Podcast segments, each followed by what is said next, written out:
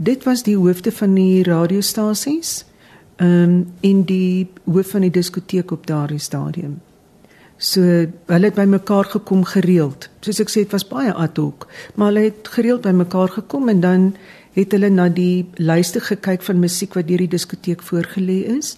Tensy daar iets dringends was, ehm um, as die diskoteek nou musiek sou inkry en hulle sou luister daarna, ehm um, en hulle sou dink dat dit dringend is, sou hulle dringende vergadering ehm um, skeduleer, maar ehm um, en dan sou 'n besluit geneem word daaroor. En natuurlik as die publikasieraad soos in tennis se geval met die saai lewe ehm um, dit verbied dan het dit nie eers by die SAIK uitgekom nie. Daar was nie 'n kans nie. Dan was dit lynreg ehm um, nie eers toegelaat op die lug nie. Maar wie het vir die die radiostasie se base daai um opdrag gegee of was dit maar net 'n uh, tipe manier van dink wat almal in gemeen gehad het of het dit van die was dit 'n politieke invloed gewees of of wie wie was die oorspronklike invloed van hierdie besluit? Weet jy ek dink dis 'n interessante ding. Ek dink dit het baie met die regering ook te doen gehad. Want onthou die SAK was nog altyd 'n deel van die regering. Ehm um, as ek kyk na die Chris Blighnout goed uh, wat verbied is en daarmee saam van die ehm um, die swart kunstenaars ook. Ehm um, soos byvoorbeeld die Miriam Makeba um, uit die land ehm um, in exile ingegaan het. Kon jy haar musiek op lig ook nie hoor nie. En sy het net beautiful musiek gemaak met die Skylarks ehm um, daai tyd op 78, maar jy kon dit nie meer speel nie. So jy het oral hierdie waghonde gehad wat seker gemaak het dat jy in lyn is met wat die regering sê. Ehm um, en in lyn is met die regering se beleid. Ehm um, soos vandag ook maar. So ek dink die politiek was baie duidelik op veral hier in die 80s, um, 70s, 80s was baie duidelik wat word toegelaat en wat nie. Ek dink die ehm um, godsdiens ehm um, die sogenaamde welvoeglikheid soos Chris Blighnout wat nou stout raak. Ek dink daai was maar deel van hoe mense gedink het opgevoede ordentlike mense behoort te wees en dit hulle dit as hulle taak gesien om mense ehm um, op te voed. So ehm um, slegte taal byvoorbeeld was nie toegelaat oor die lug nie. Jy moes baie ordentlik praat en sulke goed. So uit die aard van die saak sou daai musiek nie gehoor word nie. Terwyl vandag is ons baie meer los daaroor.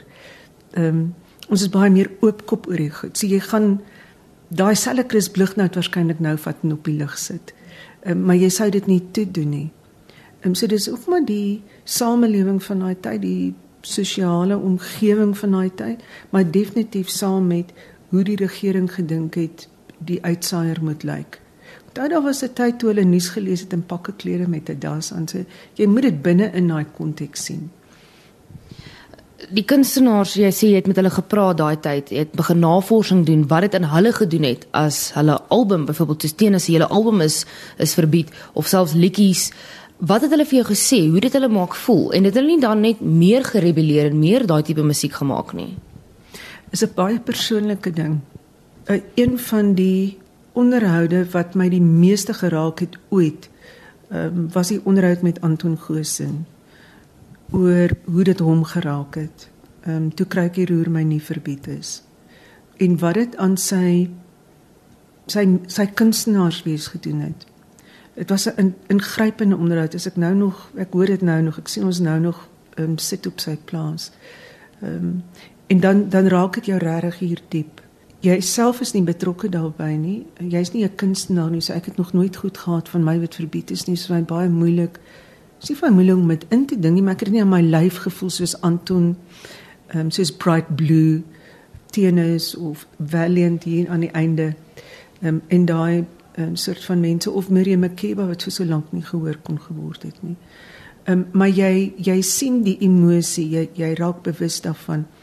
Anton het sy het begin op slim maniere sy musiek te gebruik soos Antjie Somers was 'n baie direkte um, statement oor distrik 6. Um, en hy het op baie slim maniere begin werk. 'n Kunstenaar soos Chico aan die ander kant um, het begin om die lirieke uit te haal en dan sou die instrumentale weergawe gee, maar by konserte word die lirieke dan gesing en ek dink en baie van die kunstenaars het daartoe gevoel iemand soos Tenus ek wil regtig nie namens Tenus praat nie. Ek dink Tenus moet vir jouself dit vertel, maar ek dink dit het hom verskriklik diep geraak. Ehm um, en het hom lank gevat om weer aan die aan die musiek te kom. En ehm um, nadat die verbod opgehef is, het soveel kunstenaars sy van sy musiek van daai album begin gebruik. So Sonja Harold en soos Kerkorrel wat ek dink vir hom iets ongeloofliks moes gewees het, maar ons het nooit verder daaroor gepraat nie. So ek dink dit raak kunstenaars op 'n baie persoonlike vlak. Ek dink party sal terugtrek en ander sal ander maniere soek om of slimmer te werk en dan jy ander wat net nie omgee nie. As dit nie gehoor word oor die lig nie, gebruik hulle ander platforms om hulle musiek uit te kry en dan soos jy sê rebelleer hulle. Ek dink is 'n baie baie persoonlike saak. Um, en dit was definitief uit die onderhoude wat ek gedoen het, my waarneming daaroor.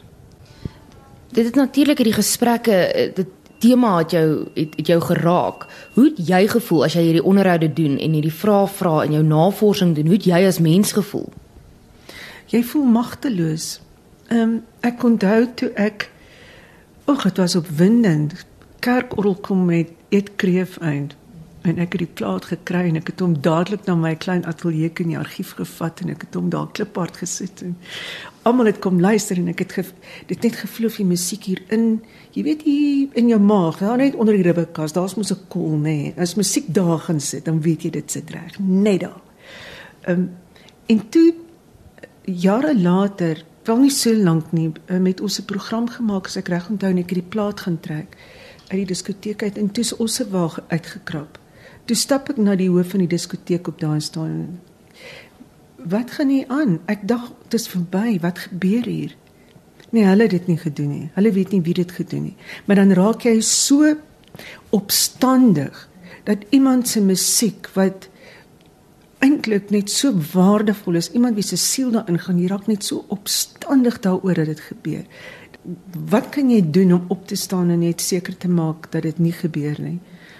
Bright Blue het Weeping gedoen met Nkosi Sikeleli wat so beautiful in die agtergrond was. Dit doodstil gebly vir niemand gesê nie. Ehm um, maar die hoof van ehm um, dit was toe Radio Suid-Afrika het ehm um, wel uitgevind. En ehm um, hy het my agterna ingeroep en gesê ek moet liewer stuur nie weer so iets doen nie, liewer net vir die tyd met hom praat daaroor. Maar daar het niks verder gebeur nie, maar jy jy vind ook maar uit om sulke goedjies te doen en in jou ehm um, die feit dat jy saam voel op daai manier weer te gee. Jy vereenselwig jou daarmee so. En jy probeer dit ondersteun. Ehm um, maar ja, jy raak opstandig. Jy raak opstandig as jy dit sien en jy sien hoe beautiful goed ehm um, nie die liggaam nie. En dan sien jy op 'n ander manier Jennifer Ferguson daai tyd byvoorbeeld hoe sy 'n ander platform gebruik om haar goed tog uit te kry.